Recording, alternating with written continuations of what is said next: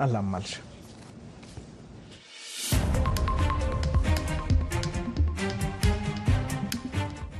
سرخط سه خبر مهم در برنامه امروز تلویزیون آشنا صدای امریکاست واشنگتن.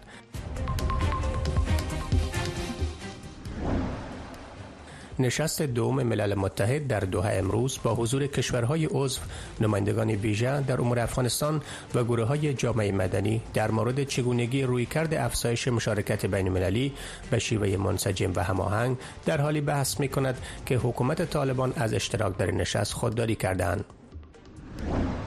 زنان افغان نگران ادامه محدودیت های طالبان بر زنان در افغانستانند و برخی فعالین حقوق زنان از سازمان ملل متحد و کشورهای اشتراک کننده خواستند تا موضوع زنان را در نشست دوحه بحث کنند و روی حکومت بدیل در افغانستان توجه کنند. روز یک کسی برای ما آمده بودن.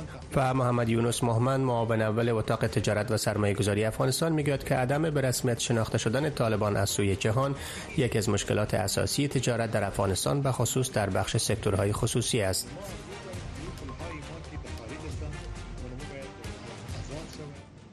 سلام بینندگان گرامی به برنامه امروز خوش آمدید. امروز یکشنبه 18 ماه فوریه سال 2024 میلادی است. برنامه امروز به طور مستقیم از طریق وبسایت و فیسبوک تلویزیون آشنا صدای امریکا و همچنین در رادیو روی موج متوسط 972 کیلوهرتز به نشر می‌رسد. من محمد احمدی هستم. در برنامه امروز تازه ترین خبرها و واکنش ها در مورد نشست دوم ملل متحد در دوحه را همکارم ژیلا نوری در استیتیوس گزارش می دهد تحلیل و بررسی دستاوردهای این نشست را با آقای نعیم اساس تحلیلگر رابطه بین المللی در فرانسه بحث و صحبت می کنیم و مسکا صافی خبرنگار تلویزیون آشنا صدای آمریکا از پیشاور تازه ترین خبرها را در مورد وضعیت پاکستان بعد از انتخابات جنجال برانگیز آن کشور گزارش خواهد داد. با ما همراه باشین نخست با خبرهای از نشست دوحه. نشست دوم دوحه امروز به میزبانی انتونی گوترش منشی عمومی سازمان ملل متحد آغاز شد. در این نشست دو روزه با حضور نمایندگان خاص کشورها ملل متحد در مورد چگونگی رویکرد افزایش مشارکت بین المللی به شیوه منسجم هم آهنگ و ساختار یافته از جمله از طریق در نظر گرفتن توصیه های ارزیابی مستقل در مورد افغانستان بحث می کند این در حالی است که حکومت طالبان اعلام کردند که در این نشست به دلیل اینکه خواسته های آنها نادیده گرفته شده شرکت نمی کنند همکارم ژیلانوری قسمی که در درس کردم در استودیوس و جزئیات را دنبال کرده. است ژیلا جان خسته نباشی. ملل متحد در این نشست روی کدام مسائل عمده بحث می‌کنه و تقاضای طالبان چه بود که برآورده نشده و به گفتهشان و باعث شده که از شرکت در این نشست خودداری بکنم؟ آقای احمدی ملل متحد این نشست مسئله مشارکت بلملی منسجم مهنگ شده و ساختار یافته. همچنان توصیه های ارزیابی مستقل در مورد افغانستان مورد بحث قرار میدن. این نشست که برای دو روزه است در او شمار نمایندگان جامعه مدنی و مدافعین حقوق بشر هم شرکت دارند. اما طالبان نمودن که به دلیل از که به عنوان یگانه نماینده افغانستان در این نشست از آنها دعوت نشده است در کنفرانس دوحه شرکت نمی‌کنند.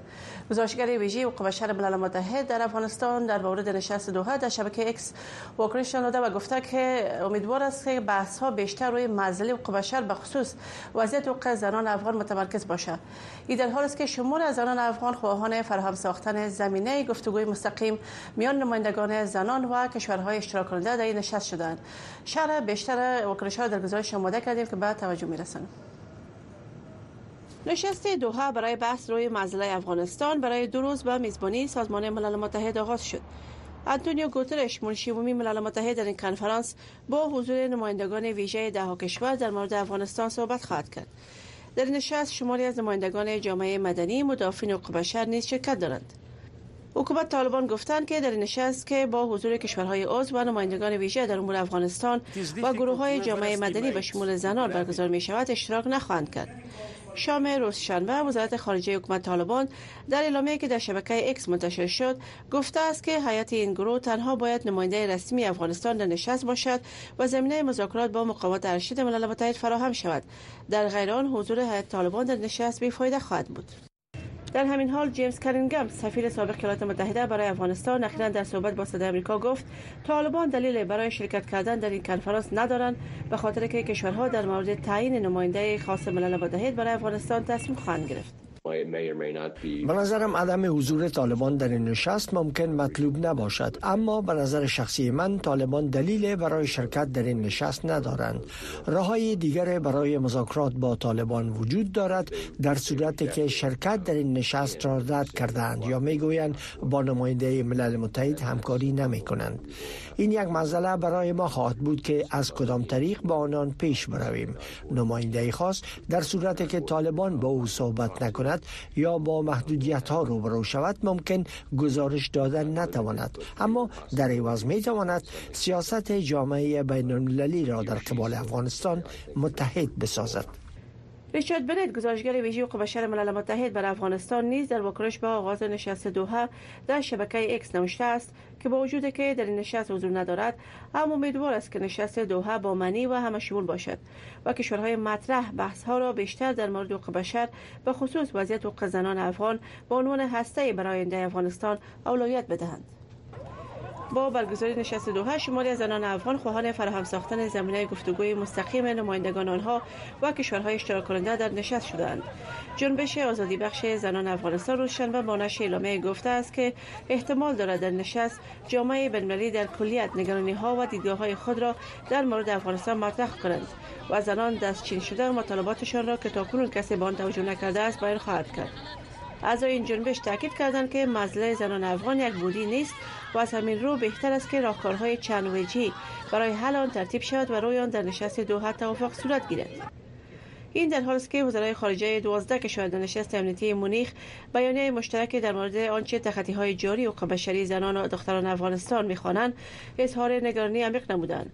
در این بیانیه از طالبان خواسته شده است تا به آزار و اذیت سیستماتیک جنسیتی در افغانستان پایان داده و به دانش آموزان دختر دوره ثانوی اجازه بدهند که با آموزششان ادامه دهند طالبان در واکنش به این بیانیه گفتند که در حال حاضر تمام حقوق مردم افغانستان تأمین است و به گفته آنها شهروندان کشور با حقوق یکسان زندگی می کنند. ژیلا نوری تلویزیون آشنای صدا امریکا واشنگتن نشست دوم ملل متحد در دوحه در مورد افغانستان چه دستاوردی برای حل بحران جاری افغانستان خواهد داشت. آیا نمایندگان خاص کشورها برای افغانستان روی مشارکت بین المللی منسجم و هماهنگ به توافق خواهند رسید یا خیر؟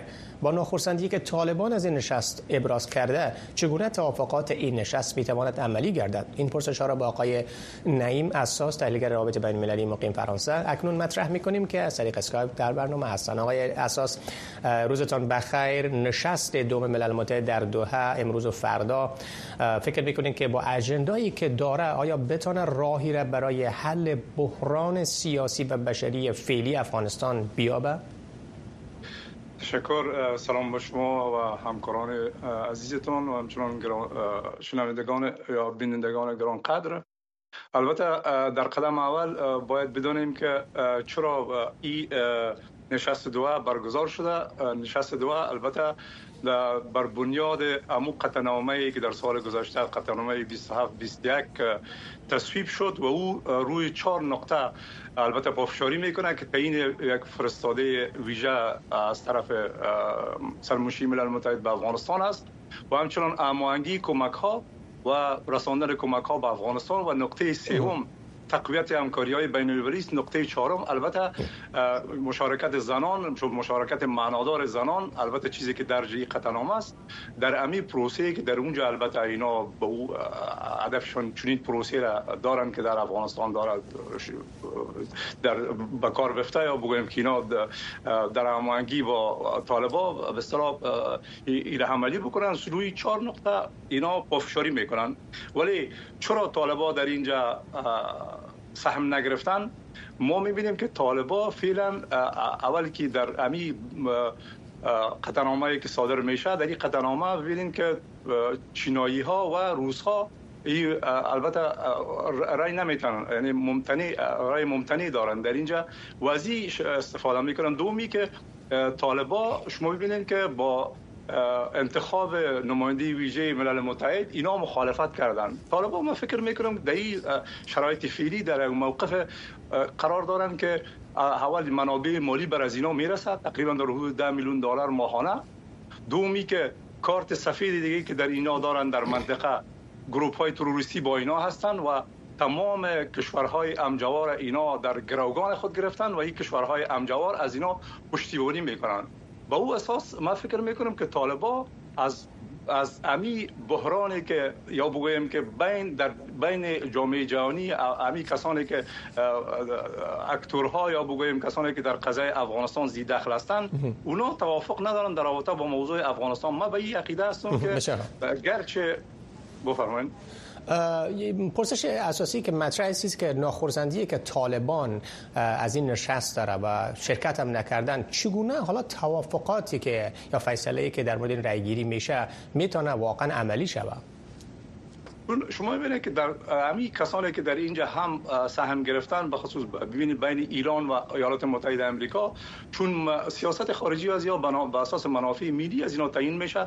اینا یک موقف واحد در قبال موضوع افغانستان به خصوص در همین نشست دو ندارن. و ما به این قدر فکر نمی که خوشبین باشم که از یک نتیجه بسیار خوبی به دست بیان ولی جهان مجبور است که امروز وقتی که طالبان میان در افغانستان طالبا با یک سه سه موضوع بسیار اساسی اینا روبرو میشن. اولی که یک یک بحران بشری دوم یک بحران اقتصادی سوم یک انزوای بین المللی البته بحران بشری به این مفهوم که وقتی که طالبان آمدن در افغانستان در زمان جمهوریت 19 میلیون انسان یا بگویم افغان وابسته به کمک های خارجی بودند. و بحران اقتصادی در اون زمان موجود بود. وقتی که طالبان بیان امروز در انزوای جهانی امروز در انزوا قرار دارن به او اساس بله. یک بحران عمومی امروز در افغانستان موجود است که امین نشست دو هم البته در رابطه با مردم افغانستان است. نه ای که امروز با اینا را به از کلمه تعامل صحبت می‌کنن ما زیادتر از کلمه اماهنگی صحبت می‌کنم نه کلمه تعامل. هیچ تعاملی با طالبان اینجا نیست و طالبان اینا اصلا موضوعی به رسمیت شناختن تعامل با طالبان نیست. فقط اینجا هدف اساسی زنان افغانستان و مردم افغانستان است که امروز به این سه مشکل اساسی بحران بشری بحران اقتصادی و انزوای انزوای بین المللی مردم بله. افغانستان قرار دارد. بله آیا اساس چون فرصت کم است. اگر کوتاه بفرمایید که آینده این نشست فکر می‌کنه چه تاثیراتی می‌تونه برای حل مشکل افغانستان داشته باشه؟ خب یک گام مثبت از خود نشست دو اولی که در قسمت کمک ها یعنی می‌خواهند که کمک ها را به شکل دست جمعی هماهنگ بسازن و کمک ها به مردم افغانستان سرازیر شود و یکی چه قسم طالبا از استفاده می‌کنن شما می‌بینید همه می‌دانن ولی ما فکر می‌کنم که یک گام مثبت از بخصوص ای که امروز جهان از ببینید که در این طول دو دهه بیشتر از 21 22 قطعنامه و نشست شورای امنیت ملل متحد در رابطه با افغانستان دایر شده و چنین کار فکر می‌کنم به نفع افغانستان است. اما گریگاه حساسی که موضوع طالبان که گروه تروریستی که امروز مردم افغانستان به گروگان گرفته و هی مشکل اساسی افغانستان موجودیت گروه تروریست است که در افغانستان موجود است. موجود اصلا مشکل اساسی مشکل دیگه نیست. مشکل اساسی طالبان هستند در افغانستان. تشکر از شما آقای نعیم اساس تحلیلگر روابط بین المللی که تحلیل خود در مورد دستاوردها و یا پیامد احتمالی این نشست بیان کردن. روزتان بخیر. تشکر از شما. با آغاز نشست دو روزه دوحه در قطر زنان افغان نگران ادامه محدودیت های طالبان بر زنان در افغانستان هستند. فعالین حقوق زنان از سازمان ملل متحد و کشورهای اشتراک کننده نشست دوحه خواستند تا موضوع زنان را در این نشست محور بحث قرار بدهند و روی حکومت بدیل در افغانستان توجه بکنند. شرح بیشتر در گزارشی از همکارم فرخنده پیمانی. در آستانه برگزاری دومین نشست ملل متحد در مورد افغانستان در دوحه پایتخت قطر. شماری از زنان افغان می‌خواهند که زمینه گفتگوی مستقیم میان نمایندگان زنان و کشورهای اشتراک کننده در این نشست فراهم شود. نسرین حمیدی مدافع حقوق زنان می‌گوید که در نشست دوحه نباید زنان نادیده گرفته شوند. نشست دوحه اگر بهانه برای رسمیت شناختن طالب باشد از طرف زنای افغانستان مورد قبل نبوده و به هیچ صورت ما اجازه بر رسمیت شناختن برای طالب را نمی‌دهیم جنبش آزادی بخش زنان افغانستان روز شنبه در اعلامیه گفت که اگر ملل متحد می خواهد نشست دوها موثریت و نتیجه بخش باشد باید از اقشار مختلف اجتماعی افغانستان با ویژه نهادهای زنان در این نشست دعوت شوند. مریم معروف آروین مسئول جنبش شنبه های ارغوانی و فعال حقوق زنان روی حکومت بدیل طالبان تاکید می کند. بنان تا زمانی که جامعه جهانی صادقانه در کنار زنان و دختران افغانستان و مردم افغانستان نیسته و دست بر نداره از باجدهی به طالبان زیر عنوان تعامل و نگهداری این گروه در قدرت قطعا اوضاع بشری مخصوصا وضعیت زنان و دختران افغانستان در کشور قابل تغییر نخواهد بود. ما امیدوار هستیم که جامعه جهانی فضا را مساعد بسازه و تمرکز بکنه روی بدیل حاکمیت خودخوانده طالبان در افغانستان که یک حکومت مشروع دموکراتیک و غیر متمرکز است وزارت خارجه حکومت طالبان بر روز شنبه طی بیانیه این نشست ملل متحد در دوحه را بی سمر خوانده و گفته است که در صورت عدم قبول شروط این گروه در این نشست اشتراک نمی کنند. ما فکر می‌کنم که با وجود طالبا و بدون وجود طالبا دنیا برملالی یک موقعیت واحد در مقابل افغانستان اختیار خواهد کنه. اگر طالبا اشتراک نکنند در واقع اونا فرصت خود از دست میتن به خاطر که مدت بیشتر از دو سال است طالبا حکومتش از طرف جامعه جهانی شناخته نشده. استفن دوجارک سخنگوی منشی عمومی سازمان ملل متحد گفته است که نشست نیز با نمایندگان جامعه مدنی از جمله گروه های زنان برگزار خواهد شد زیرا مهم است که صدای زنان افغان بسیار بلند و واضح شنیده شود. فرخنده پیمانی تلویزیون آشنا صدای امریکا واشنگتن. در آستانه برگزاری نشست دوم ملل متحد در دوحه شماری از افغانها روز شنبه در شهر تورنتو کانادا گرد همایی اعتراضی برپا کردند. آن از ملل متحد و کشورهای جهان خواستند تا از تعامل با طالبان خودداری کنند. این معترضین گفتند که تعامل با طالبان به معنی نادیده گرفتن ارزش‌های حقوق بشری با آزادی زنان و مردم افغانستان است. احمد فرشاد سالی از کانادا در گزارش می‌دهد. اینجا در هوای سرد زمستان در شهر تورنتو شماری از افغانهای ساکن کانادا در این گرد همایی اعتراضی خواستند تا در قبال وضعیت جاری کشورشان بی تفاوت نباشند. می‌گویند از تعامل کشورهای دخیل در قضایی افغانستان با طالبان نگرانند. آنها از کشورهای تاثیرگذار در قضایی افغانستان و ویژه ایالات متحده آمریکا می‌خواهند که بجای معامله با طالبان آن گروه را به انزوای کامل برسانند. موضوع ما اینه که به هیچ وجه طالبان نباید امتیاز بگیره طالبان نباید از اینکه مردم گروگان گرفته سی میلیون یا بیشتر سی میلیون جمعیت افغانستان گروگان گرفته نباید امتیاز داده شود نباید پذیرفته شود. برخی از زنان و دختران اشتراک کننده در این تظاهرات خواهان برگزاری گفتگوی ملی با مشارکت معنادار زنان و گروه های آسیب دیدند. هر نوع تعامل با طالب اشتباه است. جهان نباید در کنار یک گروه تروریستی باشه و طرف جهان نباید یک گروه تروریستی باشه. جهان باید با مردم افغانستان باشه. جهان باید با زنای افغانستان باشه. شماره از اعتراض کنندگان دیگر می‌گویند که تعامل با طالبان بنیادهای افرادگرایی در جهان را تقویت خواهد کرد.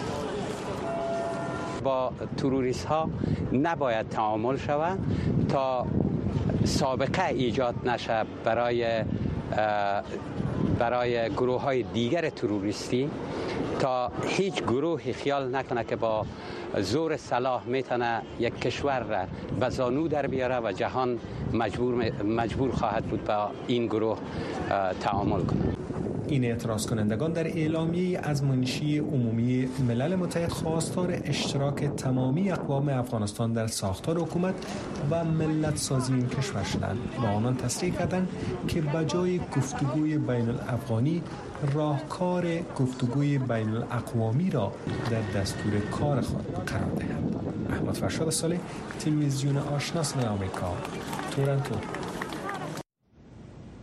محمد یونس مهمن معاون اول اتاق تجارت و سرمایه‌گذاری افغانستان می‌گوید عدم به رسمیت شناخته شدن طالبان از سوی جهان یکی از مشکلات اساسی تجارت در افغانستان به ویژه در بخش سکتورهای خصوصی است. آقای مهمن عدم حضور عدم صدور ویزه به تاجران و مسئول شدن بنادر از سوی همسایگان را اقدامات سیاسی دانسته و می‌گوید که تجارت و سیاست باید از هم جدا شود. آقای محمن در پاسخ به پرسشی در مورد عمده ترین مشکل بخش خصوصی افغانستان در مصاحبه با همکارم نجیب خلیل چنین گفت. عمده ترین مشکل های ما سر بانک های ما سر افغانستان بعضی تازراتی است که او بر سکتور خصوصی را هم تحت تحت شعای خود گرفته. و هم پول های منجمد شده افغانستان که در خارج منجمد هستند بعضی سکتور خصوصی افغانستان زیاتر پولایشتن در بعضی بانک ها راکیت مانده است او پولایی که به تا امیم روز یک کسی برای ما آمده بودن تقریبا 600 هزار دلار در بانک داشت نمی‌تونید او تقریبا در هفته ای که پیش رفته بود 50 هزار الی 60 هزار دلار کشیده بودن دیگه ایش نشده بودن یعنی مشکلاتی هستن که مردم امرایش مواجه هستن ولی ما ارزو داریم که او پول ما که در خارج هستن و نمو باید از آزاد شوه دسترس بانک افغانستان که تم بانک مختص به افغان هستند به او بانک باید داده شود. تا از پول به نفع مردم افغانستان به خاطر یک پروژه های کلان. یعنی او پول مصرف نمیشه او پشتیبانه پروژه های کلان افغانستان هستند. آقای مومند ریاست اتاق تجارت و سرمایه گذاری افغانستان عدم صدور ویزا. البته از سوی یک تعداد از کشورها را یکی برای تاجرای افغان یکی از جمله آزمون ها یا چالش ها خوانده. می‌تونین مشخصا بگوین که کدام کشورها ویزا صدور نمی‌کنه برای تاجرای افغان؟ صدور که پیلن که ویزا صدور می‌کنه قزاقستان صدور می‌کنه ترکمنستان صدور می‌کنه ترکیه صدور می‌کنه چین صدور می‌کنه. هندوستان صدور نمی‌کنه به خاطر که هندوستان شما می‌فهمین که با نمیفهم که به خاطر چی ویزا رو صدور نمی‌کنه. ما ویزای پنج ساله داشتیم باز از پیروزی امارات اسلامی افغانستان واسه تمام ویزای ما که در جیبای ما بودن او ویزا را قید کردن. با سایر کشورهای دیگه که ویزی اروپا را که می‌گیریم با مشکل مواجه میشیم مجبور هستیم 15 روز یا 16 روز یا هیلا تا 20 روز ما باید یک سفری داشته باشیم که این اینمی قدر مصارف تقریبا حدودی باید حتما باید 2000 دلار مصرف کنیم. یا باید کازاکستان بریم ویزا ازبکستان هم ویزا را برای ما میده. مومن شما اخیرا با یک تعداد از مقام های دیگه اتاق تجارت افغانستان البته تعیین نشست آنلاین با آقای حسن شهدادی معاون کشتیرانی بندر چابهار و البته همکاراش بحث و گفتگو کردین. مشخصا روی چی مسائل بحث کردین دی نشست یا آن نشست آنلاین؟ ما می‌خوایم که با تمام کشورهای دور و نزدیک افغانستان و کشورهای منطقه و با کشورهای جهان یک روابط مستحکم تجارتی داشته باشیم که یک از یک بندر هم بندر چابهار است. بندر چابهار نزدیکترین بندر به افغانستان است. ما می‌تونیم که از راه چابهار تنها با بمبئی یک مراودات خوب داشته باشیم با امارات مراودات خوب خوب داشته باشیم. به این لحاظ به این بحث صورت گرفته سرباز کرایه که بلند شده بودن دو صحبت دو صحبت شده. با بعضی مشکلات دیگه ای که متشبسین افغان یا تجار افغان داشتن با او صحبت شده که او وعده کردن که ما بخیر بعد از او باز به بار ان تصمیم خواهد گرفتیم. این کانتینرهایی که به دو طرف میمانه یک تعدادش حاوی ترکاری و میوجات ایناست که بعد از یک گذشت چند روز خراب میشه. و این ضربه اقتصادی را آیا تاجرا می‌بینم دهاکین می‌بینم و آیا حکومت می‌تونه که امی ضربه اقتصادی را که تاجرا دیدن و دهاکین دادن اینا را در بدل از کمک بکنن یا نه؟ که به شما هویداستان ترکاری یکی از چیز, چیز هستند که سریع الپساد هستند و مردم افغانستان هم پیلن ما به کانتینرهای یخچالی را انتقال میتیم کانتی برای ما چقدر وقت است؟ نظر بستندر و دوا و غذا و که ما اداره بسیار قوی اینجا وجود داره. اینجا برای ما وقت میده که ما چقدر وقت نمی چیزای ما تحت کانتینر باشه و وقت داره این بر این سالم تقریبا به حدود بند وقت بنجانرامی و انگور بودن که بسیار ما برای ما تاوان رسیدن. و از این طرف تنها به بندی را یک طرف با مشکل پیدا می‌کنه دو طرف مشکل پیدا می‌کنه. هم طرف پاکستان هم طرف افغانستان. لحاظا به این خاطر بندیش را به سکتور خصوصی اردو, اردو با, چه مشکل مواجه می‌کنه. ما می‌خوایم که ما باید یک کار بکنیم. وقتی که پاکستان با هندوستان با مشکلاتش زیاد داره ولی در راهایش هیچ مشکل نیست. همیشه بندری واقعیش واز است بین خودشان بندر کراچیش واز هستن ولی این مشکل یک برای افغان ها را باز وقت برای ما یک چیز چیز می‌کنه که وقتی که اندکترین مشکل سیاسی پیدا شد بعد از او برای ما راه بند است که ما خواهش داریم از از هر دو کشور هم از افغانستان هم از طرف چیز پاکستان که این باره باید برای ما باید همکاری خاصی را صورت بگیره. لحاظا که تجارت و سیاست باید ما جدا بسازیم. حملات اسرائیل بر شمال و جنوب لبنان و تازه ترین معلومات از وضعیت پاکستان پس از انتخابات جنجال برانگیز کشور مطالبی است که بعد از یک وقفه کوتاه در نشرات امروز نشر می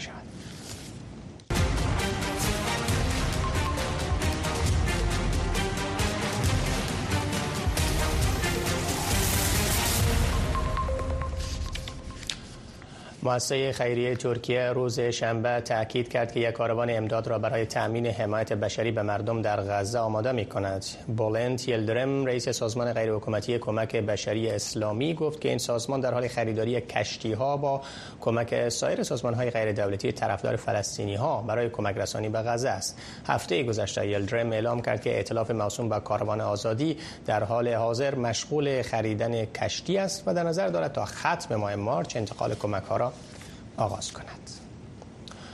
اردوی اسرائیل امروز یکشنبه تصاویر را نشر کرده است که می‌گوید حملات اردوی آن کشور را در بر زیربناهای حزب الله در ساحه یرون لبنان نشان می‌دهد. اردوی اسرائیل علاوه کرده است که نیروهای آنان ساحات علامه الچایب و الدهیره در جنوب لبنان را نیز با گلوله‌باری توپخانه برای از بین بردن تهدیدات هدف قرار داده است. نبرد در سراسر سرحد پرتنش اسرائیل و لبنان این هفته شدت گرفته است. شلیک مرمی‌های راکت از سوی لبنان یک اسرائیل یک اسکر اسرائیلی را کش و یک تیاره درون اسرائیلی در پاسخ به آن حمله یک فرمانده حزب الله و دو فرد عملیاتی دیگر را در لبنان کشت. برای کسب تازه ترین معلومات درباره وضعیت پس از انتخابات در پاکستان. اکنون با مسکا صافی خبرنگار تلویزیون آشنا در پشاور صحبت می کنیم سلام مسکا تازه ترین خبرها از وضعیت انتخابات افغانستان پاکستان چی هست و فعلا نامزدان مخالف به ویژه حزب مردم حزب امران خان چی میگه و اینکه فعلا تا چه اندازه امنیت یا ثبات فعلا در کشور بعد از این همه انتخابات جنجالی فعلا برقرار هست.